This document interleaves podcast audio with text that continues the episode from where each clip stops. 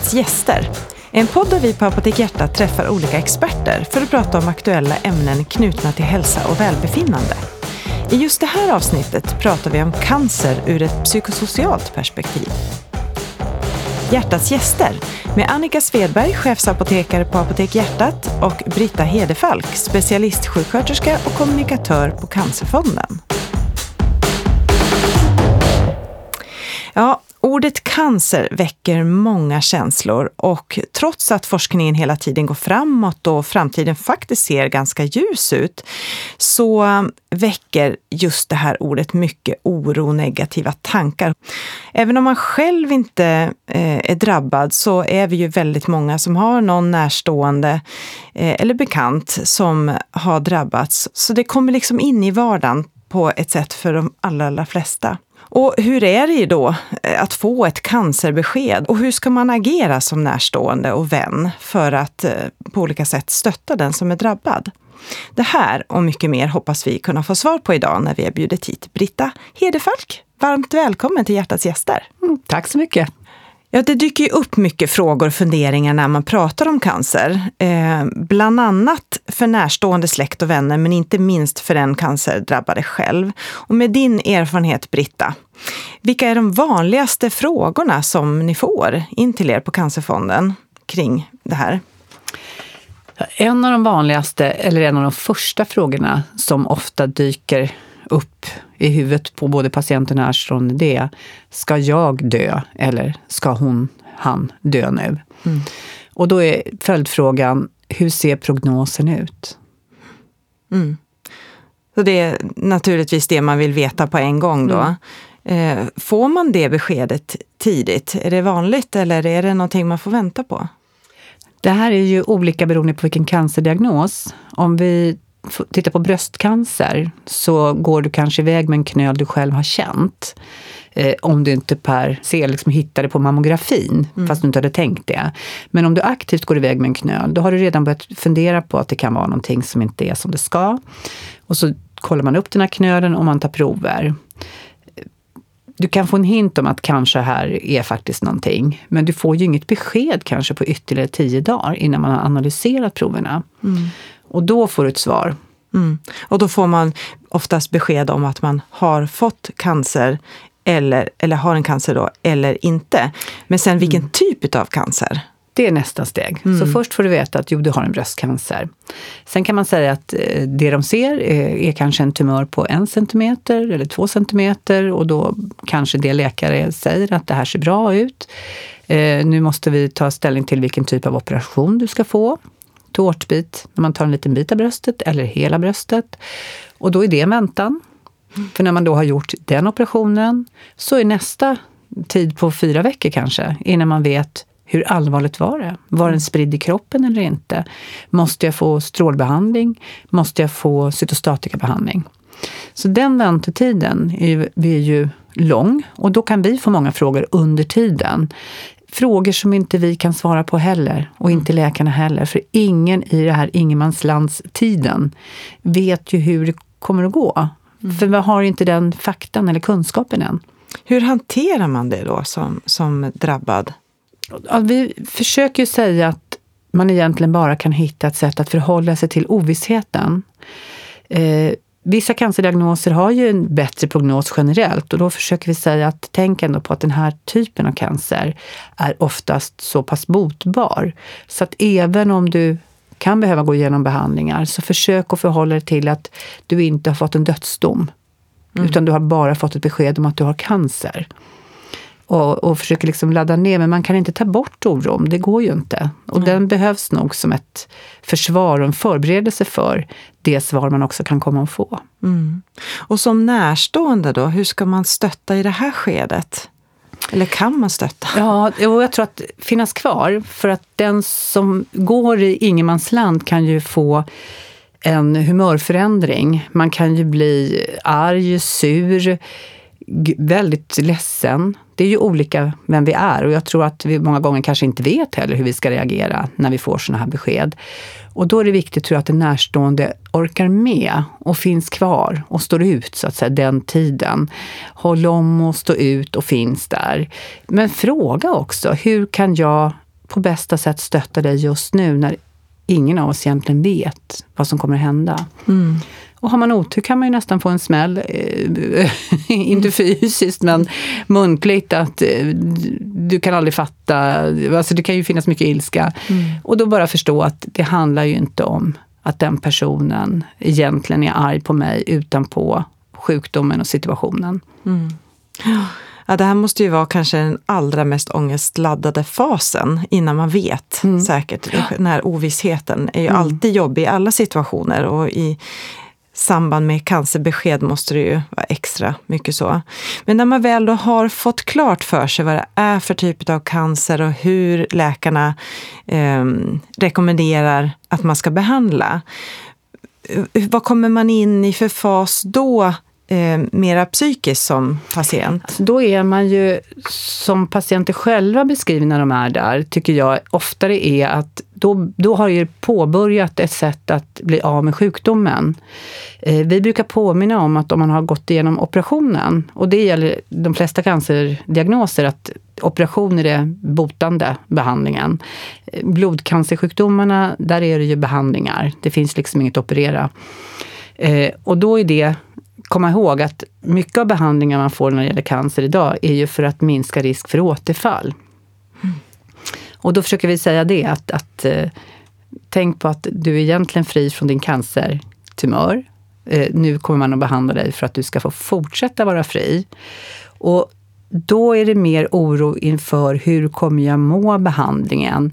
För många kan det ju vara värre om man får en behandling som man tappar håret, att, att tappa håret, än att kanske har förlorat en bit av sitt bröst. För de upplever att nu ser alla att jag är sjuk. Jag kommer bli skallig. Det är inte jag själv. Det blir liksom utseendeförändringar som faktiskt stör mig mycket mer än diagnosen just i det här skedet. Mm. Mm. Och som eh, vän, bekant, närstående, kollega och så vidare då till någon som genomgår en cancerbehandling. Hur är bästa sättet där att, att stötta eller att ja, på olika sätt göra livet lite lättare? Det första tycker jag är att man frågar, hur vill du ha det, hur vill du bli bemött? För i ena stunden så kan man vilja bli betraktad som den här människan jag fortfarande är, inte som en patient. Men om jag kommer till jobbet och så är det ingen som frågar hur jag mår, mm. då blir jag ju sannolikt lite besviken över att jag bryr mig inte om hur jag mår om jag kommer till jobbet och många frågar hur jag mår så kanske jag blir irriterad för att måste alla fråga hur jag mår. Så det är en ständig balansgång. Mm. Och har man tur och man har en kollega eller en vän då, eller närstående som är sjuk, att man har humor och på något sätt lite kan skoja om det komplexa i det här. att Kommer jag till jobbet med ett brutet ben, då, då frågar jag alla och så får jag berätta min häftiga historia om skidresan jag gjorde där jag bröt benet. Mm. Men kommer jag in med cancer, då är det känsligt från båda hållen. Mm. Och, och, det kan man ju fundera på varför det behöver vara så känsligt att fråga människor, men hur, hur har det? Hur vill du bli bemött? Mm. Eh, för att det är så olika hur vi vill bli bemötta också. Mm. Så det gäller att försöka ta reda på det, både på hemmaplan och, och på jobbet. Mm. Det är någon som, som vågar och sen kan Ja, fråga. Ja. Hur vill du att jag eller vi här på, om det är på jobbet speciellt, då det kan ju vara att man väljer att man har en kollega som blir någon form av ambassadör, alltså kontaktpersonen som har kontakt med den som är sjuk. Eh, så finns det ju de som tycker att nej, men jag mejlar ut till hela organisationen att jag är sjuk och så får ni veta och fråga på om ni vill. Så har jag sagt det och så är det klart. Och där är vi ju så olika. Så att eh, jag tycker alltid fråga, fråga, fråga. Mm. Hur, hur, brukar man eh, känna när det gäller jobbet just med att fortsätta och gå till en arbetsplats medan eh, behandlingen pågår? För den kan ju många gånger vara ganska jobbig, illamående och tappa håret och så vidare. En del orkar och tycker att det, och det beror ju på vad man jobbar med, men en del orkar gå till jobbet och tycker att det är ett sätt att kunna stå ut för att behålla så mycket av det som fungerar fortfarande, så mycket vardag som möjligt, för att inte tänka att man är sjuk hela tiden. Sen finns det de som knappt orkar gå ur sängen av behandlingen för att de blir för trötta. Och det viktiga är då att man känner att man har en tolerans hos sina kollegor. Att ingen förväntar sig att jag ska komma skuttande till jobbet och orka jobba heltid eller halvtid. Utan jag kanske orkar jobba halvtid de första behandlingarna och sen kan jag inte längre. Mm. Och det här kan ju vara svårt, därför jag kan som patient uppleva att jag ställer till bekymmer för mina kollegor. Eh, kollegor som inte förstår hur dåligt jag mår kanske tycker att vad jobbigt det är att inte hen är på plats. Mm. Eh, och då är det ju återigen det här att prata om det. För okunskapen är den största faktorn till liksom att det kan bli missförstånd.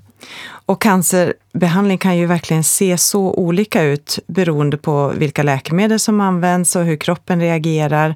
Så man kan ju inte jämföra en individ med en annan.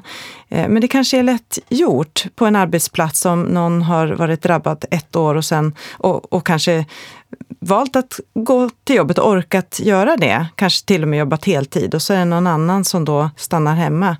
Eh, och, och, det där med att jämföra, det måste ju vara eh, lätt hänt men väldigt olyckligt.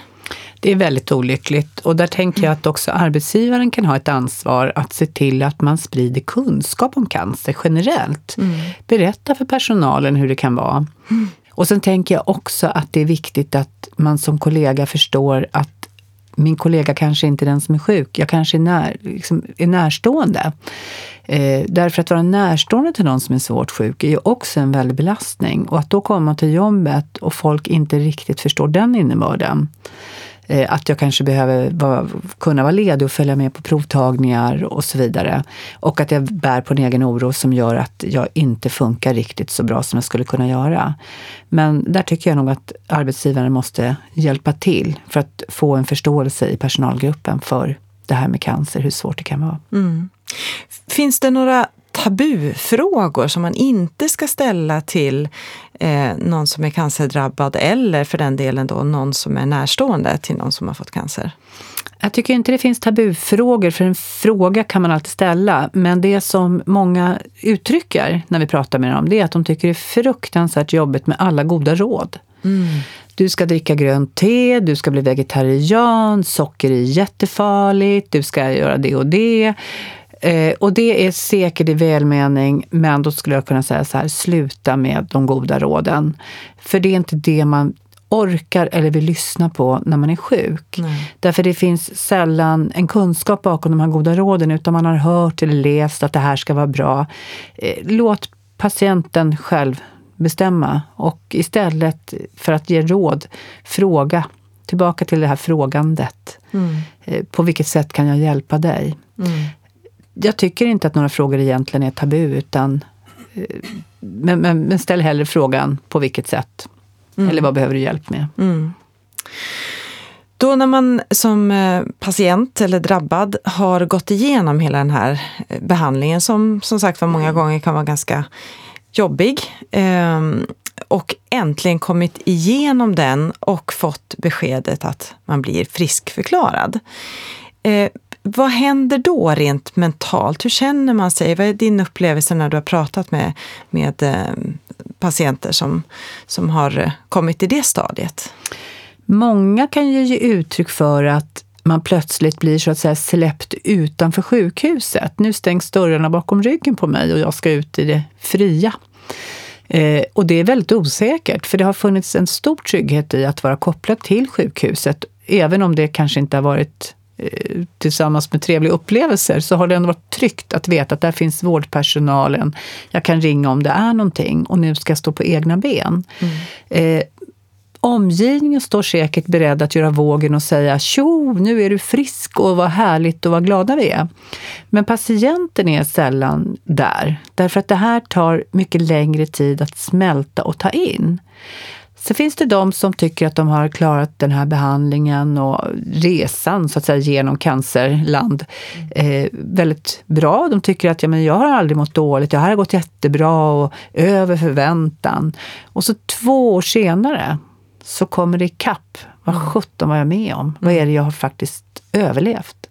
Och då kan reaktionen komma och då är det ju mycket svårare för närstående och även kollegor att förstå vad var det som hände nu?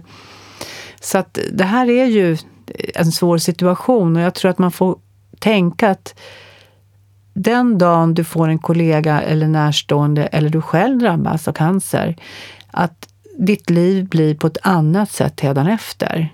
Mm. För det kan också vara så att man drabbas av svåra bieffekter av behandlingen som sitter i ganska länge. Det finns ett syndrom som kallas fatig och det är en jätteutmattning, en total utmattning.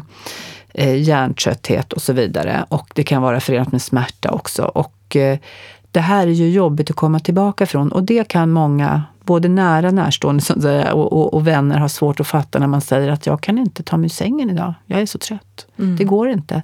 Då kan man ju stå och säga så här, men kom igen nu. Det är väl bara att försöka. Men för den här gruppen patienter så är det en omöjlighet. Mm. Även om vi vet att det bästa sättet att må bättre är att man rör på sig till viss del. Men det kan vissa dagar vara en fysisk omöjlighet för de här patienterna. Mm. Och det är ju sånt som kan komma senare när man inte förväntar oss det. Så att alla de här reaktionerna, både fysiskt och psykiskt, efter att det egentligen ska vara över, eh, de kommer nog inte på det sätt som omgivningen förväntas att de ska komma. Nej. Och vad finns det då för hjälp att få eh, för patienter? Är man patient så kan man ju få hjälp av sjukhusets kuratorer ofta. Mm. Det kan finnas psykosociala mottagningar beroende på var man bor i landet. Eh, närstående kan ju, om det finns resurser, också få hjälp eh, av, om man är familjenärstående skulle jag säga i de fallen, eh, eh, av den kurator som finns på sjukhuset. Om det finns tid, för att det vet vi idag att det är brister i vården. Annars så har ju specifikt närstående svårt kanske att få det stöd som de skulle behöva få. Eh, många gånger kan man ju få hjälp av varandra i samtal och stöttande. Men ibland behöver man lite mer professionell hjälp och då finns det väldigt lite utbud trots allt. Mm säkert väldigt olika i olika delar av landet också. Då. Väldigt olika i olika delar. Eh, det man kan tänka idag då, det är att många ringer till Cancerfonden, får mm. stöd via oss. Men, men, om man vill ha kontinuerligt så kan det också vara att man både som patient och närstående kontaktar patientorganisationerna specifikt med den diagnos man själv har drabbats av. Eh, sociala medier har ju väldigt mycket grupper. Facebook har ju väldigt många olika grupper, slutna grupper för de som har drabbats kanske av en viss typ av cancer eller man är en grupp kvinnor med cancer som tycker att här vill vi samlas och prata i ett, i ett eget rum. Mm. Eh, så det finns ju mycket sådana möjligheter. För jag tänker också på de som inte bor i storstäder utan på väldigt små orter där det kanske inte finns så många andra i deras situation heller. Men jag tycker att man i första hand som patient ska ta kontakt med vården och se vad de erbjuder. Mm.